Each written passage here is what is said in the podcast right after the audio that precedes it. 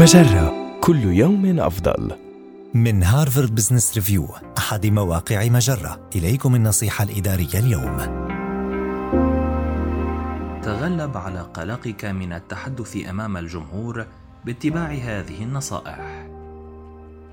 يمكن أن يكون التحدث أمام الجمهور مدمرا للأعصاب وإذا كنت تخشاه فاعلم أنك لست الوحيد الذي يشعر بذلك.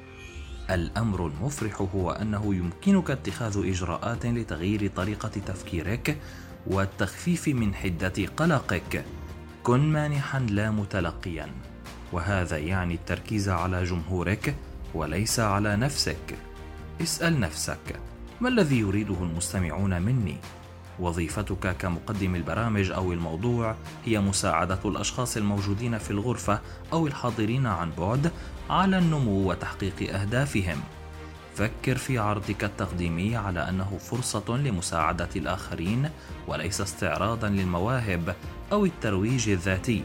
وللتفكير بهذه الطريقة اختر ثلاثة إلى خمسة من القادة أو أصحاب المصلحة المؤثرين الذين سيكونون بين جمهورك.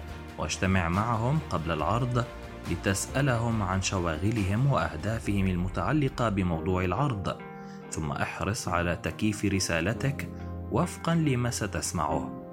بهدف تلبية احتياجات الجمهور.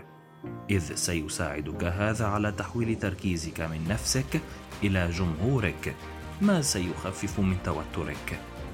هذه النصيحة من مقال تغلب على القلق المدمر للعروض التقديمية بهذه الخطوات البسيطة. النصيحة الإدارية تأتيكم من Harvard Business Review أحد مواقع مجرة، مصدرك الأول لأفضل محتوى عربي على الإنترنت. مجرة كل يوم أفضل.